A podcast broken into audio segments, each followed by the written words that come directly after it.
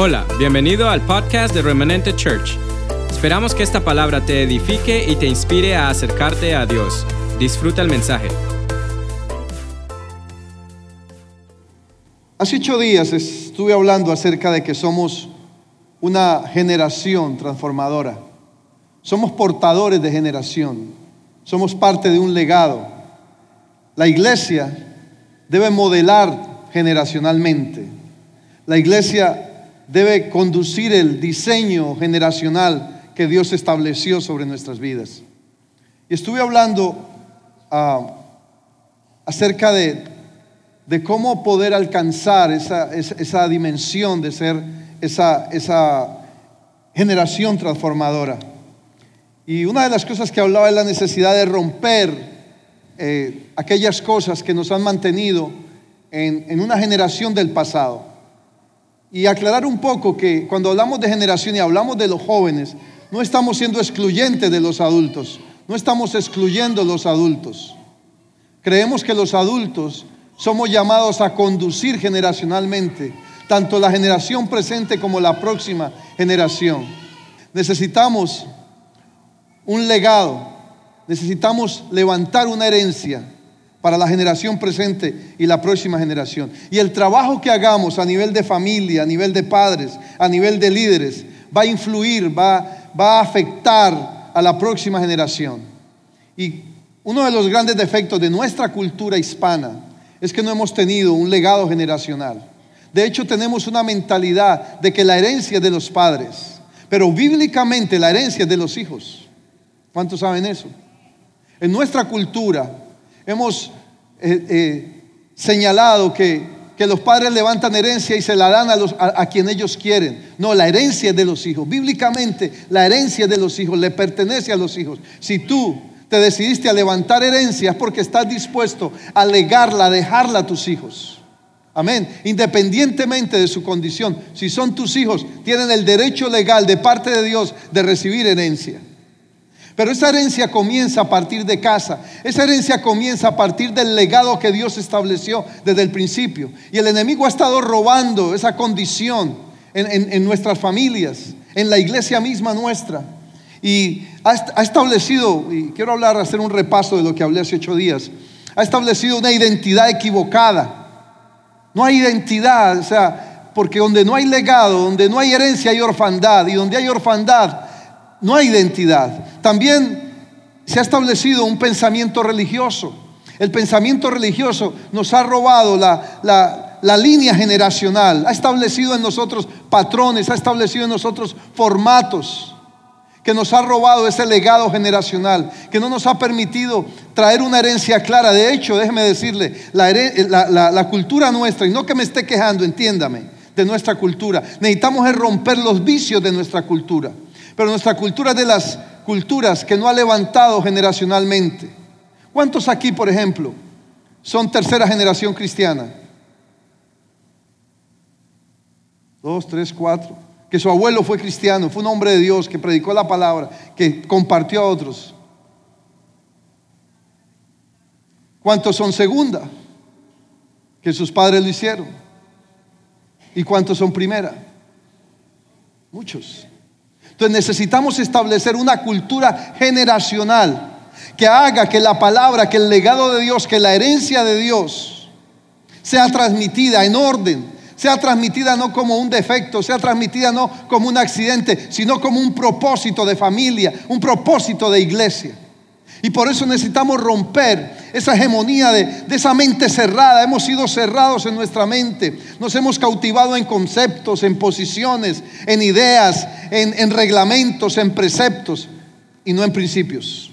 La cultura generacional, la generación que transforma, camina en principios. Lo otro es que nos hemos movido por mucha tradición, hemos defendido más la tradición que la palabra, hemos defendido más la tradición que el legado, que la herencia. Hemos respondido y hemos defendido más la herencia hispana que la herencia bíblica. Ay, diga, ay, diga amén, diga algo. Y no me malentienda, yo no estoy atacando nuestra herencia, nuestra cultura. Es que entendamos que tenemos que recobrar la identidad que como hijos de Dios nos permite caminar en la dimensión de ser portadores de esa generación. Y otra cosa que ha hecho la falta de, una línea generacional es que no hemos impartido el temor de Dios. No hemos impartido el temor de Dios. De hecho, por costumbre mostramos un Dios castigador. A los niños lo que hacía en nuestra cultura, yo me acuerdo, cuando era niño, no hace mucho, pero que, que a los niños se les asustaba con Dios. Si no haces esto, Dios te va a castigar. Entonces necesitamos romper todos esos vicios. Y hoy quiero hablarte de, lo que es ser una generación de Dios. ¿Qué es ser una generación de Dios? ¿Qué es levantar una generación de Dios? ¿Qué es levantar? Y, Dios, este tiempo quiere que nosotros levantemos una generación de acuerdo a su propósito, de acuerdo a su diseño, de acuerdo a su destino. La palabra generación en, el hebreo es la palabra dor, D-O-R, y quiere decir revolución de tiempo. Nosotros necesitamos revolucionar los tiempos. ¿Por qué? Hemos oído decir que todo tiempo pasado fue mejor. No, fue bueno, en su momento fue bueno. Pero estos son tiempos donde los tiempos pasados no necesariamente nos ayudan, nos sirvieron para poder establecer una generación, pero aún así no lo hicimos. Y cuando yo hablo de eso hace ocho días, yo no estoy tratando de excluir, yo hablé de los abuelos, ¿se acuerda? Que los abuelos nos contaron historias, pero no necesariamente todo lo que nos dijeron fue cierto, porque nos legaron una tradición, porque nos legaron una, un concepto, una posición. Y amén por los abuelos. Y si nos compartieron de Cristo, mucho mejor. Pero no podemos caminar en lo que tuvimos, sino en lo que Dios ha establecido para este tiempo. Dios es un Dios que, es, que vive en el presente eterno. Dios no es un Dios del pasado eterno. Dios es un Dios del presente eterno. Entonces necesitamos establecer lo que Dios tiene para este tiempo y revolucionar los tiempos. Revolucionar los tiempos es mover, hacernos presentes en lo que estos tiempos la, humanidad necesita, el mundo necesita, la familia necesita, la iglesia necesita. Y para ello yo quiero, para hablar de lo que es una generación de Dios, quiero hacer una retrospectiva como algo, un recuento histórico de lo que ha sido, como introducción de lo que ha sido el pueblo de Israel. El pueblo de Israel fue una nación creada por Dios. No era un pueblo común. No era como los otros pueblos, ya que su fundador fue y es Dios. Israel fue una nación que nació en el corazón mismo de Dios, porque Dios tenía un propósito con ella. Por eso Dios les dijo en, en, en Deuteronomio 14.2 dice, porque eres pueblo santo a tu Dios. Y tu Dios te ha escogido para que seas un pueblo único de entre todos los pueblos que están sobre toda la tierra. Dios creó la nación de Israel de un hombre anciano y de una mujer estéril, que posteriormente lo convirtió en, padre de las naciones, que posteriormente lo, lo convirtió como en ese ejemplo de bendición, como ese referente de bendición, y le dijo que en él serían benditas todas las naciones de la tierra. Y dice, y haré de ti una nación grande, y te bendeciré y engrandeceré tu nombre, y serás bendición. Dios es un Dios generacional. Dios estaba pensando en que ese hombre era el referente de una herencia, de un legado, de generación tras generación. Y una de las cosas también que la palabra dice, dice, decía Jacob, el ángel que me liberta de todo mal, bendiga a estos jóvenes, o sea, a esta generación y sea perpetuado en ellos, en que en esa generación y en la próxima generación sea perpetuado mi nombre y el nombre de mis padres Abraham e Isaac y multiplíquese en gran manera en medio de la tierra. Una de las cosas profundas que menciona este pasaje tiene que ver con identidad. Jacob de, de, de, decía que ellos debían perpetuar el nombre de sus padres, pero más que de la persona como tal, el legado que había sido asignado la herencia que había sido asignada en Abraham, la herencia que había sido asignada en, en, en Isaac. Jacob estaba interesado en que ese legado no se perdiera. Jacob estaba interesado que ese diseño generacional que Dios le había entregado a Abraham continuara. En ti serán benditas todas las naciones de la tierra. Y haré de ti una nación grande. Lo que Dios quiere hacer es que su legado permanezca. Nótate que estos pasajes hacen mención a las generaciones. de las bendiciones que ellos debían transmitir una generación tras de otra, ya que se debía tener en claro lo que Dios había dicho acerca de crear de ellos una nación grande. Nosotros si mantenemos esa mentalidad generacional, ese corazón generacional, podremos asegurar que la generación presente y la generación que, que viene no se pierda. Porque aún después de esto, aún después de este propósito, hubo una generación que se perdió. Aún después de todo lo que sucedió a través de Abraham, de Isaac, de Jacob, hubo una generación. Y Dios cogió este pueblo de Abraham, de Isaac, de Jacob y creó esa nación. Jacob tuvo 12 hijos, lo que de donde salieron las 12 tribus de Israel.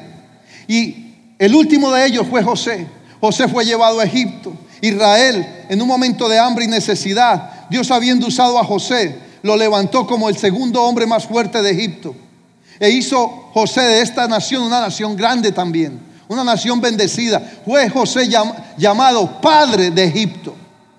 Era un hombre con, con un espíritu generacional. Era un hombre con legado, con herencia.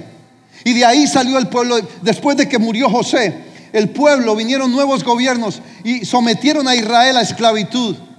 Y fueron 400 años donde esas generaciones no vieron la promesa, no vieron la libertad, no vieron la herencia, no vieron el legado. Fueron 10 generaciones que se perdieron.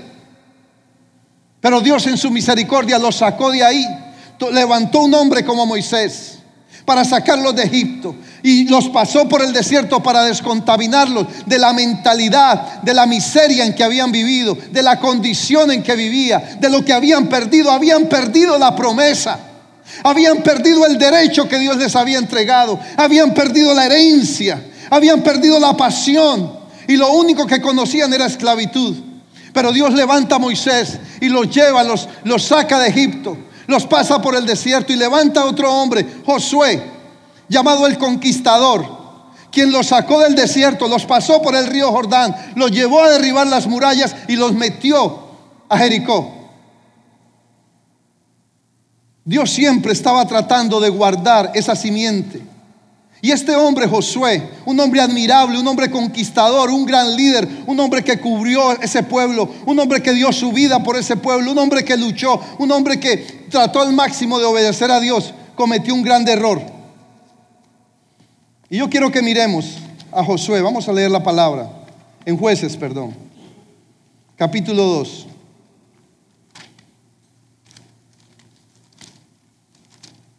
Es la introducción, voy rápido, pero después me voy a ir calmando. Es que cuando cuento historias me... Vamos a leer jueces, perdón. Jueces, capítulo 2. Y vamos a leer a partir del versículo 6.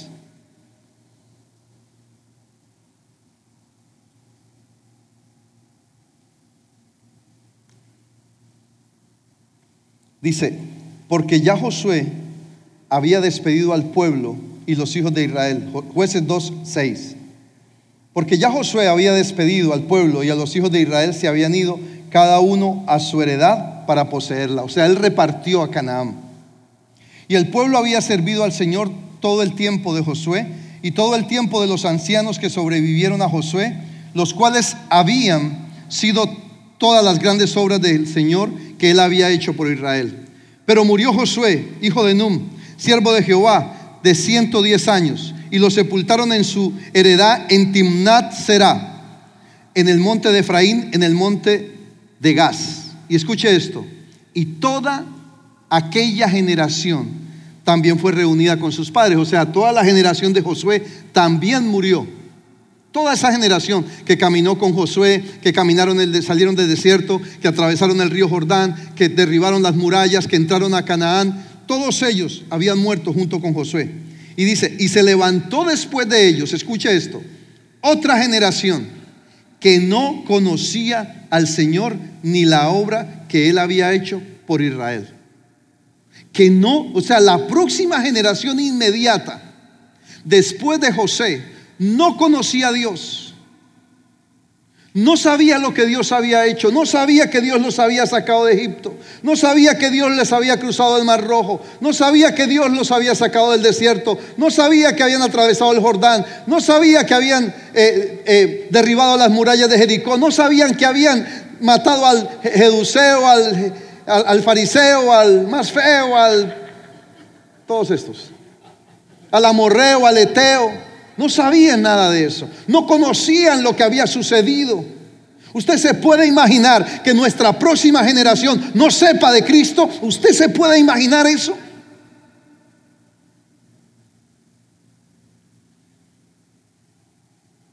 Silencio en la sala. Yo no me quiero imaginar eso, pero sucedió. Y sucedió y le sucedió a un hombre como Josué, el conquistador Dios les había dado instrucciones. El gran error es que Dios les habló, que sacaran, que arrojaran, que sacaran fuera de... de, tengo un feedback que me... Que sacara de, estas naciones de la tierra de Israel, de la tierra de Canaán. Pero ellos empezaron a acomodarse. Dios les decía, arrójalos. Y ellos, no, está bien. Y dice que, que inclusive al cananeo no lo arrojaron. Y dice, dice Josué que ellos tributaron, o sea, le cobraron impuestos y con eso se conformaban. No, déjenlos ahí, no hay problema. Pero ¿qué sucedió? Esta gente fue absorbiendo la nueva generación. Los vicios de esa, eran, eran, eran adoradores, los, los jebuseos, los amorreos, los eteos, eran adoradores de otros dioses, eran adoradores de Baales y fueron estableciendo una cultura que a la muerte de Josué, que no tuvo cuidado de ello, fueron absorbiendo las nuevas generaciones y se volvieron idólatras. Y dice la palabra que terminaron eh, adorando a Baales y a Astarot. O sea, se alejaron de Dios. Vaya pensando en lo que sucedió en ese entonces, con todo lo que Dios había hecho por ellos. Y dice en, en Josué 1.25, en jueces 1.25, mire lo que pasó, hay algo bien interesante aquí que quiero anotar, que quiero resaltar. Dice, Jueces 1.25.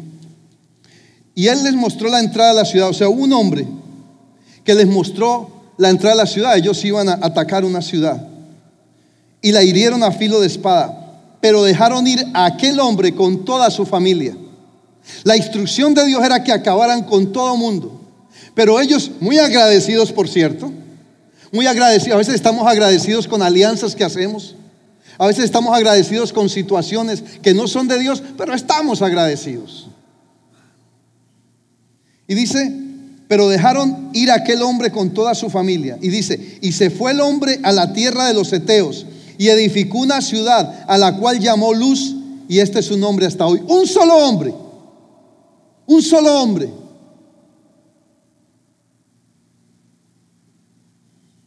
Un solo hombre que dejaron vivo, les levantó otra ciudad idólatra, que iba absorbiendo las generaciones, que iba robando el legado. Y es interesante pensar en esto, porque ese solo hombre significa a veces una sola situación en nuestra vida, un pecado con que hacemos alianza, una relación con que hacemos alianza, una, una situación donde donde Dios nos dice, deja eso del todo y nosotros no, yo me quedo aunque sea con esto. Y esa sola cosa, una sola cosa nos puede destruir. Una sola cosa nos puede robar la herencia. Una sola cosa, un solo concepto, una sola situación que aceptemos en nuestra casa. Mira, asegúrate, asegúrate que si tus hijos algún día salen de tu casa, salgan con herencia, salgan con legado de Dios que tú sepas para dónde, que, aunque, perdone, que aunque no sepas para dónde van o dónde caminen, ellos salgan de tu casa con la herencia de Dios, sabiendo que tienen temor de Dios, sabiendo que tienen conocimiento de Dios, sabiendo que mi padre oraba, que mi padre leía la palabra, que en mi casa se hablaba de Dios, que en mi casa se adoraba al Dios de los cielos. Asegúrate. Ya el resto será tema de ellos pero tú estás entregando una herencia, tú estás pensando en generación. Asegúrate que ahora en tu casa estés construyendo una familia, una generación que va a temer a Dios, una generación que no le pase lo que le pasó a la generación de Josué. Josué decía, mi casa y yo, yo y mi casa, serviremos al Señor. Ese hombre que decía eso no pensó ni siquiera en sus hijos. Y se perdió la generación. No se volvió a hablar de Dios. No quieras imaginarte esto. No quieras imaginarte que la próxima generación no sea una generación de Dios. Yo no quiero imaginarme y por eso asegurémonos. Cuando Cristian salió de mi casa, que se casó, fueron tres meses que, que lloré. Yo lloré esos tres meses porque me hacía falta, porque lo extrañaba. No lloré porque se había casado con, no está por ahí, con Karen. Yo lo extrañaba. Y, y, como padre me preocupaba que todo le fuera bien. Tenía que aguantarme y no llamarlo porque estaba en luna de miel.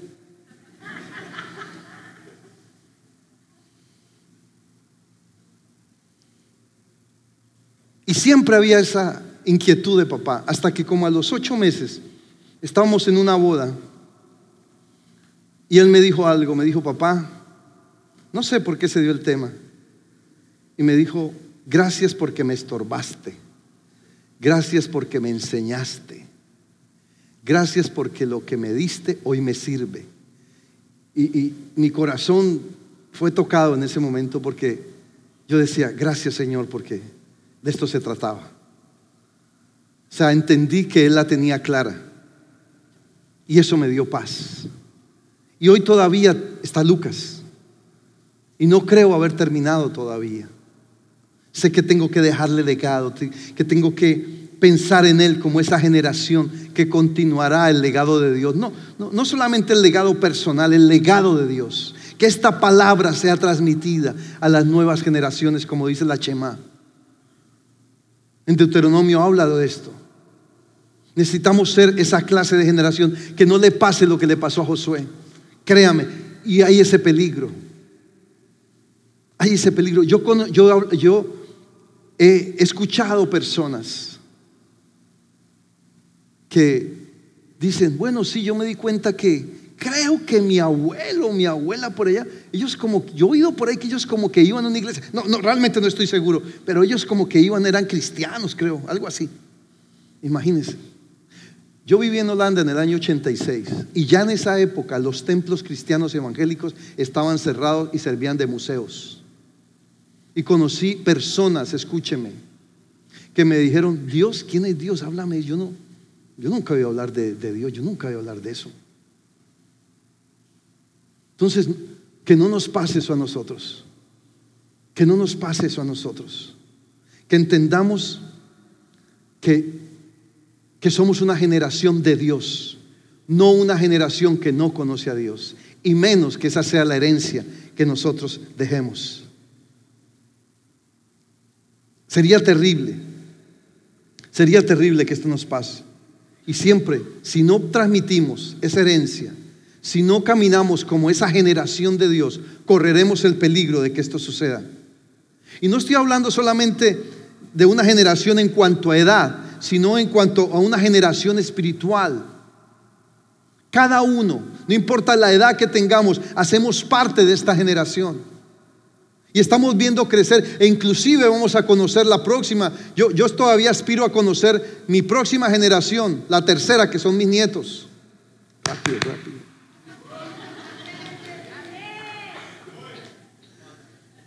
Y me siento todavía, mire, le explico algo. Está comprobado socialmente que la mayor influencia está en los tres círculos generacionales del abuelo, el padre y los nietos. Hasta ahí está la influencia. Ya los bisnietos no es tan fácil eh, influenciarlos. Pero por lo menos, mirando el mismo modelo, diseño de Abraham, de Isaac, de Jacob, si usted ve todo el tiempo, Jacob no solamente mencionaba a su padre Isaac, sino que mencionaba a su abuelo Abraham. Todavía, todavía, todavía tenemos la esperanza de como abuelos influenciar la generación que viene. Los hijos que, están creciendo, los hijos que están en los vientres, los hijos que están en planes, ¿verdad Karen? Los hijos.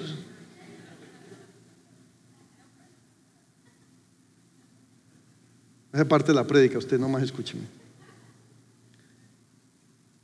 Necesitamos pensar todavía por eso. No podemos aflojar, no podemos soltar aquello. No podemos soltar la herencia, no podemos soltar el legado, no podemos dejarnos absorber del sistema de que, ah, no, es que los muchachos hoy en día son así. Bueno, ah, yo no estoy hablando de modernismo, estoy hablando de herencia. Estoy hablando de principios de vida, estoy hablando de fundamento. Estoy hablando de esta palabra que causa y transforma las vidas y tiene el poder para transferirse, tiene el poder para trascender a los siglos, a la cuarta, a la quinta, a la sexta generación. Y desde los siglos hasta los siglos tiene connotación eterna. Entonces nosotros necesitamos ser responsables de las generaciones que, se están levantando. ¿Por qué? Porque a veces ignorar eso trae consecuencias. O sea, lo dijo, en la palabra lo dice, mi pueblo perece por falta de conocimiento, por falta de conciencia, por falta de acción también. No solamente no saber, a veces sabemos y no actuamos. Necesitamos esto que sabemos. Yo te estoy, digámoslo así, tirando una responsabilidad. Yo te estoy trayendo no solamente una información, te estoy trayendo una impartición para que tú sepas en Dios qué hacer con esa información y tomar acción para que puedas influenciar, para que puedas darte a, la tarea de decir, ok, yo trabajo, yo produzco, yo sueño, pero necesito saber para quién voy a dejar esto que hago. Asegúrate que lo que tú estás provocando y produciendo para que otros hereden, quieran heredarlo. Me, me estoy haciendo entender. Que lo que yo estoy produciendo, que lo que yo estoy elaborando, que lo que yo estoy viviendo, que el diseño y el modelo que yo establezco, realmente otros merezcan heredarlo. No dejemos cualquier cosa. Quizá no podremos dejar mucho dinero, quizá no podremos dejar propiedad, pero podemos dejar un legado, un diseño que viene desde Abraham y que imparte vida. Tiene la capacidad de transformar y de levantar generación tras generación tras generación. Hay algo interesante. Esto ha sucedido todos los tiempos. Cuando la, mal llamada iglesia primitiva o la iglesia del primer siglo, los apóstoles, la hegemonía de esa iglesia fue por máximo 70 años. Cuando ya murieron los apóstoles, 50, 40, entre 50 y 40 años, cuando ya murieron los apóstoles, vinieron nuevas generaciones. Y esa generación, hijos, nietos de los primeros discípulos, no solamente los doce apóstoles, fue desapareciendo. ¿Por qué? Porque el sistema que lo rodeaba, déjeme explicarle cómo opera, cómo el sistema corrompe pervierte una generación. ¿Qué sucedió? Había una hegemonía romana y una hegemonía griega en eso entonces, el pensamiento griego. Empezó a absorber las nuevas generaciones. Y, fue de donde partió la filosofía y el sistema religioso romano. Y la iglesia del primer siglo fue desapareciendo fue absorbida por esa filosofía, por ese sistema religioso que las nuevas generaciones absorbieron. De ahí vino la adoración a imágenes otra vez. Eso viene desde que el diablo era chiquito. Pero las nuevas generaciones fueron sometidas a esto y fue absorbida y se perdió la esencia de la revelación de todo aquello y se creó un sistema religioso que fue afectando y afectando y afectando. Todo el tiempo el sistema religioso ha afectado. Jesús peleaba con los fariseos a causa del sistema religioso. Pero siempre el sistema religioso, el sistema tradicional, ha matado la semilla de, de lo que es generación, de lo que es legado, de lo que es herencia. Me estoy haciendo entender, iglesia. Nosotros no podemos permitir, aunque estamos con más peligro porque hoy la tecnología, el sistema del mundo, la perversión, las cosas que se han aceptado. Usted sabe que hoy en día a lo bueno se le llama malo y a lo malo se le llama bueno. Y no, es un tema de, "Ah", no, es un tema de pararnos firmes en lo que somos. En no admitir, en no comprometer, no comprometas tus principios porque pones en peligro tu generación. No te comprometas con el sistema del mundo que nos está infiltrando cosas que parecen buenas, pero que son puro humanismo, pura filosofía, que, posteriormente pervertirá el pensamiento de muchos.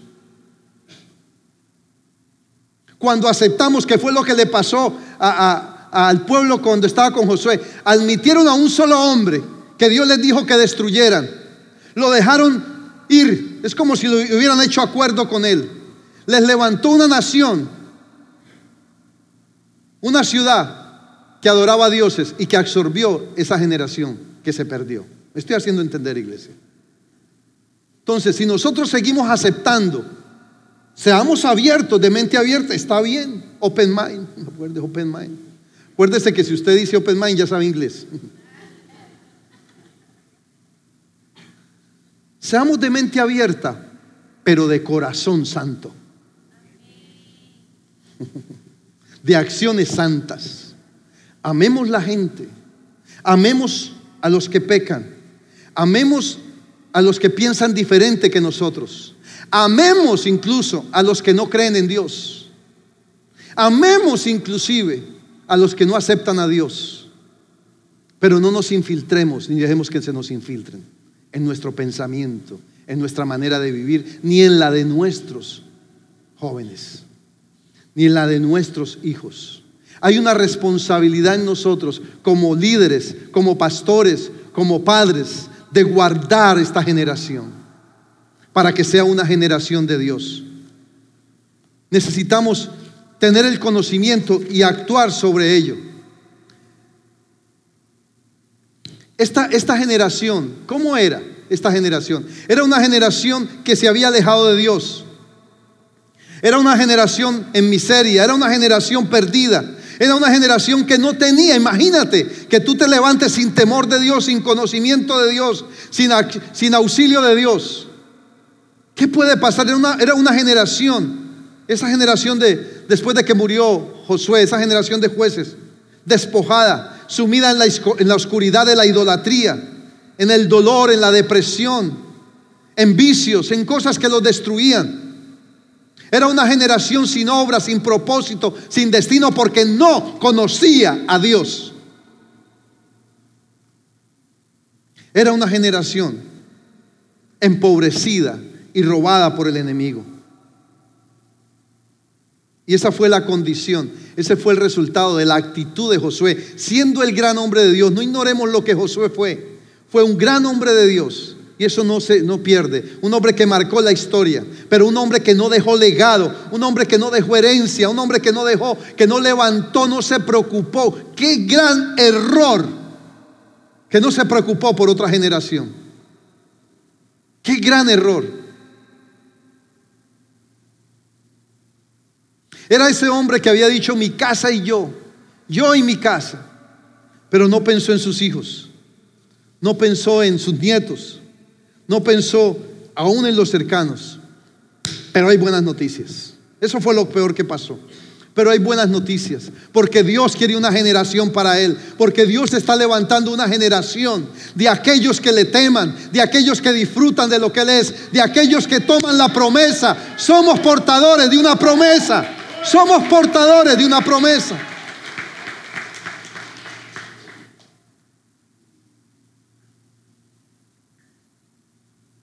Y dice que hubo promesas grandes. Dice, el Señor te enviará su bendición sobre tus graneros. Él quiere levantar una generación bendecida, una generación próspera, una generación que avanza, una generación que es punta de lanza, no una generación que es derrotada, no una generación que es pobre, no una generación que es pobre mentalmente, no una generación que es pobre emocional y moralmente, no una generación que es pobre espiritualmente, una generación próspera, bendecida en todas las cosas. Amén. Y él lo dijo, Él te enviará su bendición sobre tus graneros, sobre todo aquello que pusieres tu mano, y Él bendecirá tu tierra, la tierra que Él te da. Él te abrirá, dice la palabra, el buen tesoro del cielo para enviar lluvia a tu tierra en su tiempo y para bendecir toda la obra de tus manos y prestarás a, a las naciones y tú no pedirás prestado. Mira hermanos, la promesa para cada generación es abundancia. La promesa para cada generación es bendición. Prestarás y no prestarás y no pedirás prestado. Si entendiéramos la dimensión de la bendición, tendríamos menos deudas.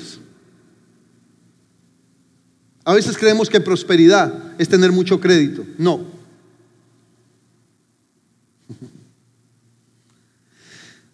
Y dice, y te hará Jehová Dios abundar en toda obra de tus manos, en el fruto de tu vientre, en el fruto de tu bestia, en el fruto de tu tierra, para bien, porque el Señor volverá a gozarse sobre ti para bien de la manera que se gozó con tus padres. Déjame decirte esto, Dios se goza con bendecirte.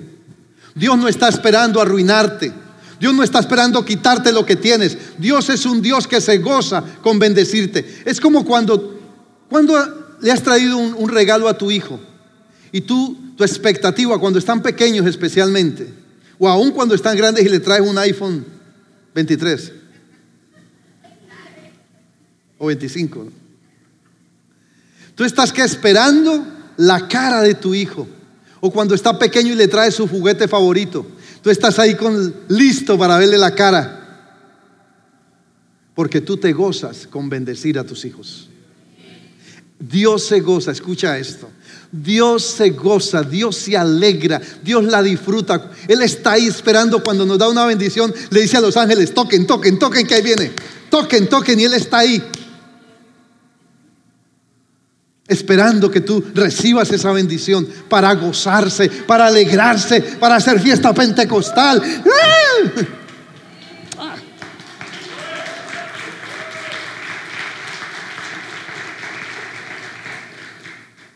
Él quiere levantar una generación saciada. Escúchame, nuestros hijos tienen que ser saciados, tienen que ser saciados del bien del Señor y comerás del fruto de la tierra y comerás en el país de los vivientes, te gozarás de la bendición de Dios. Nuestros hijos no tienen que esperar ir al cielo para recibir la promesa. Hoy es día de recibir, de, dar legado, de entregar herencia, de levantar una generación que hereda Amén. Dice, y yo daré lluvia de vuestra tierra a su tiempo, la temprana y la tardía. Dios no se queda con nada. Y recogerás tu grano, tu vino y tu aceite. El enemigo no te robará más. Mire, se me olvida contarles algo. Ustedes saben que yo siempre les he dicho que yo recibo cheques. ¿ah? Los que no conocían esa historia. Siempre me llegan cheques. Yo tengo una historia en mi casa que siempre voy al correo y le digo, mi amor, voy por un cheque que me llegó y algo me llega. Siempre. El año pasado me llegaron como cinco o seis cheques. Yo he contado el testimonio aquí. Buenos cheques. De devoluciones, de no solamente de los impuestos, de, un cierre que había hecho en el pasado. Hace tres años, cuando Cristian se casó, él estaba en nuestro, en el título, en el mortgage del crédito y entonces me dijo, papá, me dijo, papá, sácame que yo me voy a casar. Ya, bueno. Y entonces hicimos el cierre. Y ese mismo año, ese día que fuimos al cierre, nos devolvieron 500 dólares. A los tres meses, nos devolvieron 3.600 dólares porque se habían equivocado. Y que ustedes no van a creer lo que les voy a decir. Ayer me llegaron dos cheques de la oficina de que hicieron el, el, el cierre me llegaron dos, cheques porque había quedado un excedente. ¿Sabe que yo entendía en ese momento? Dios me decía, el diablo no se va a quedar con un quinto tuyo. El diablo no se va a quedar con un quinto tuyo. No eran muy grandes, por eso el Señor me decía, es que ni un centavo, así sea de un centavo, el diablo no se va a quedar con un centavo tuyo cuando tú crees en la promesa, cuando tú caminas en la dimensión de ser un hombre o una mujer generacional, porque eres hombre de herencia, porque eres mujer. Dios ama a los que les gusta la herencia. Dios ama a los que construyen herencia, porque Él es Dios de herencia. Dios ama a los que levantan generación, porque Él es un Dios generacional. Yo me siento con la responsabilidad de cuidar la generación que Dios nos ha entregado. ¿Y tú? Pero también Él quiere una generación santa. Dice, porque eres pueblo santo, el Señor tu Dios, y Dios te ha escogido para que le seas un pueblo único de entre todos los pueblos que están sobre la tierra. Y Él ha declarado hoy que tú eres pueblo suyo, de su exclusiva posesión, como te lo ha prometido, para que guardes todos sus mandamientos. No somos propiedad del sistema, no somos propiedad, nuestros hijos no son propiedad del sistema, no son propiedad de la nación, no son propiedad del enemigo, no son propiedad de la calle, son propiedad nuestra, son propiedad, son un legado de Dios, porque somos generacionales. Amén. Y somos propiedad de Dios. Somos propiedad de Dios. Somos escogidos por Él. Fuimos separados. Cuando hablo de santidad, de una nación santa, es una nación separada. No dice una nación santurrona, dice santa.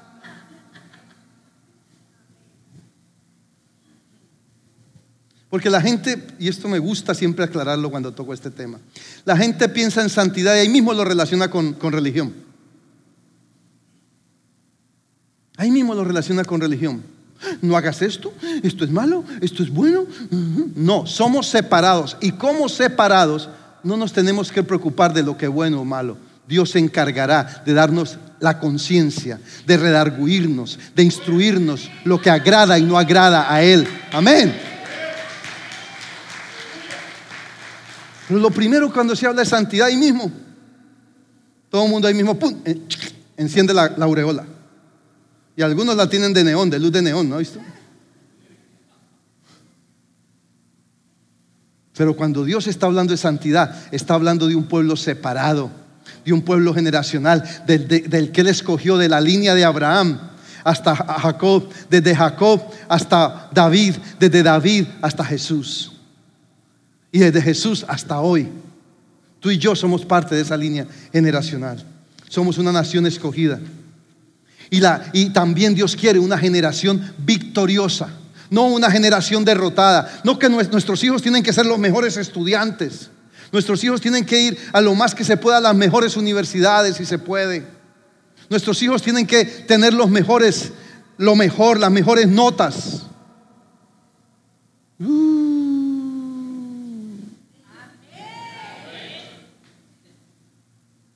Se acabaron los amenes. Bueno.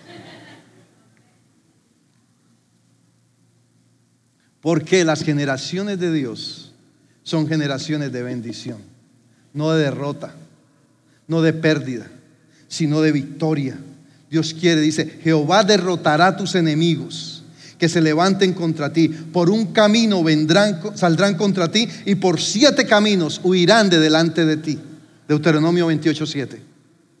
Él se encarga de derribar los enemigos, pero hay que obedecer. Eso le pasó a Josué y a ese pueblo. No obedecieron metieron la mano. Dios les dijo, yo me encargo, hagan lo que yo les digo. Pero ellos metieron la mano y se pusieron de, favorecidos, de, voluntariosos. Ah, este no lo matemos, este nos da impuestos. No, este otro, no. Y, y destruyeron la generación presente. Aquello con que tú hagas pacto, escúchame, aquello con que hagamos alianza que no es de Dios, destruirá nuestra generación. La ponemos en riesgo. Dios quiere levantar y exaltar esta generación. Te pondrá el Señor por cabeza y no por cola. Te pondrá arriba y no abajo. Y no estarás debajo si obedecieres los mandamientos del Señor tu Dios que yo te ordeno hoy para que los guardes y cumplas. Si no te apartares de todas las palabras que yo te mando hoy, ni a diestra ni a siniestra para ir detrás de dioses ajenos. Pero ellos hicieron lo contrario. Pero gracias a Dios, porque Dios siempre sacará debajo de la manga alguien que mantendrá la simiente, que mantendrá la semilla y podemos ser tú o yo.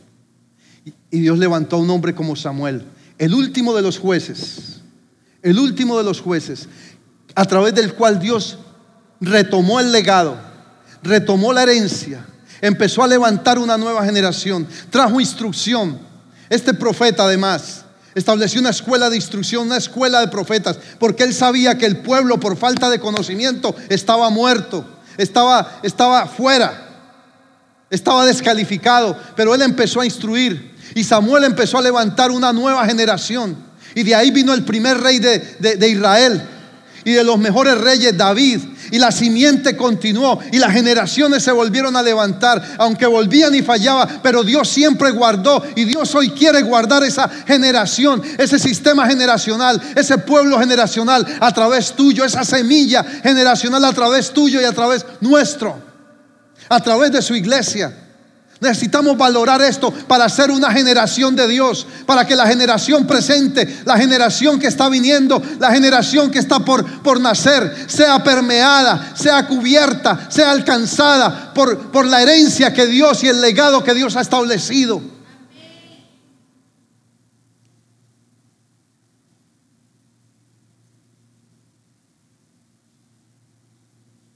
Necesitamos renunciar a todo aquello que amenaza la herencia, a todo aquello que amenaza una próxima generación sana. Tú no quieras perder tu generación. Tú no quieras, asegúrate. Cada familia cristiana debe asegurarse de proteger esa semilla generacional. El abuelo, el padre, el nieto. El padre, el hijo, el nieto. Debemos guardarla. Debemos mantener el legado de nuestra fe. No podemos comprometerlo porque perderemos. Nos pasará lo que le pasó a, esa nación, a esta nación. Ya vio todo lo que les dije. A lo que le podría, tengo una lista más larga, pero el tiempo se acabó. Pero hoy el Señor nos dice, tenemos que preparar el camino para esta generación que se está levantando. Aún si no te has casado, empieza a pensar generacionalmente, porque vas a tener hijos posteriormente. Y si no los vas a tener, pues aunque sea espirituales. Pues necesitamos, fuimos creados, escucha, cada individuo que Dios ha creado, lo creó para establecer herencia. Cada individuo que Dios ha creado, cada uno de nosotros, Dios les puso, nos puso una naturaleza generacional. En el momento que perdemos eso, perdemos el propósito.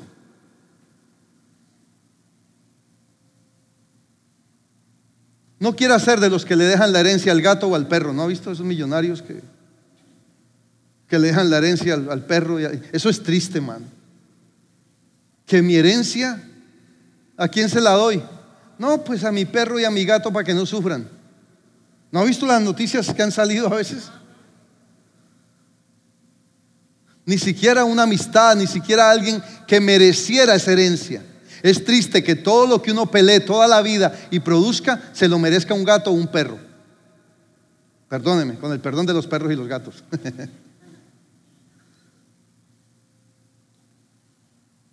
Seamos de aquellos que mantenemos la semilla, la simiente, para levantar una nueva generación. Tú eres portador de una generación. Tú eres portador de cambio. Tú eres portador de transformación. No podemos seguir viviendo y dejar que las cosas se desvanezcan. Dejar, no insistir. Tienes que insistir en tus hijos. Tienes que insistir en tus nietos para que no se pierda el propósito. A veces te rechazarán, a veces se cansarán, pero después lo agradecerán. Como mi hijo cuando me dijo, papá, y hubo momentos con él cuando vivía en casa que fueron tensos porque ustedes saben que los muchachos a veces no quieren, pero él acataba y después lo reconoció. Ellos lo van a apreciar, ellos lo van a apreciar. Ellos van a agradecer que hubo alguien que les implantó herencia, que les implantó palabra, que les dio a conocer al Dios de, sus padres, que puedan decir, el Dios de mis padres, a ese yo sirvo, como lo dijo Jacob. Jacob iba por mal camino. Jacob era un terrible, le llamaban el engañador, el suplantador. Él un estaba más desviado que, que la 66 ahora que hay tanto arreglo. Pero Dios lo rescató de ahí. Dios lo rescató. Y Jacob se alineó con la promesa y cumplió el propósito. Cuando tú y yo nos alineamos con la promesa generacional, cumpliremos nuestro propósito en mí, en mis hijos y en mis nietos. Afectaremos esta, la próxima y la posterior generación. Amén. Dale ese aplauso al Señor. Ponte de pies.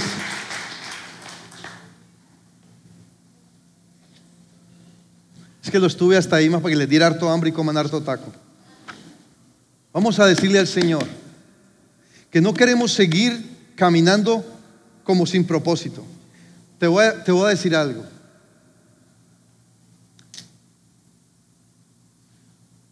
Tú no quieras, esto es fuerte, voy a decir algo fuerte. Y esto te lo digo con amor. No quieras llegar al día de tu partida para con el Señor y digas, ¿qué estoy dejando? Y te des cuenta que no has dejado nada. Y no hablo solamente de dinero, no hablo de algo material, hablo de una herencia, de esta herencia. Asegúrate, vive para ello, vive para ello. Empieza a pensar, así estés joven.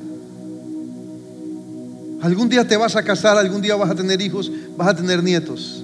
Que lo que ahora hagas, disfrútalo ahora, pero piensa, piensa, ¿esto lo podré dejar o no lo podré dejar? Porque ahora construimos herencia tanto en lo bueno como en lo malo. Ahora construimos herencia tanto en Dios como en iniquidades. Joven, asegúrate que lo que vas a dejar a tus herederos no sean solo iniquidades, sino que sea una herencia de bendición. Padres, abuelos, que la herencia que... Y si hay iniquidades que tú ves que eres portador, quebrántalas. Quebrantemos esas iniquidades para que nuestros hijos, para que nuestros nietos no hereden, perdóneme, la basura que hemos tenido que cargar de nuestro pasado. Sino que nuestra herencia sea pura. Una herencia de Dios. Una herencia que las asegure a ellos que caminarán en bendición, que caminarán prósperos en todas las cosas así como prospera su alma. Prosperen en salud y en todas las cosas. Asegurémonos de no dejar una herencia que ellos no quieran saber de ella, sino que la anhelen en el nombre de Jesús. Padre, venimos delante de ti y reconocemos que tú nos diste una naturaleza generacional, que a veces quizá no lo entendemos, que a veces no lo atendemos, pero hoy renunciamos a toda ignorancia de ello. Hoy declaramos, somos conscientes de que tú depositaste en nosotros una herencia generacional. Somos portadores de una herencia transferible, Señor. Haznos conscientes, Espíritu Santo. Ven y haznos conscientes. Vuélvenos, permítenos retomar para levantar una generación que esté arriba y no abajo, que sea cabeza y no cola, Señor. Una generación que lo que toque sea bendecido, Señor. Trae, Señor, conciencia a nosotros, Padre, para alcanzar tu propósito y el destino que tú marcaste. Bendice la generación como la nuestra, Padre, que pudimos conocer este Evangelio y servirte, Señor. Señor, bendice la generación actual, la que está construyendo para lo próximo. Bendice las generaciones venideras, Señor. Las que están por nacer. Que ya tengan asegurada su herencia porque tuvieron un papá, un abuelo, un bisabuelo que se encargó, que se encargó de recibirlo con herencia. En el nombre de Jesús, Señor. Bendice cada uno de tus hijos. En el nombre de Jesús bendigo tu vida. Bendigo tu casa, bendigo tu herencia.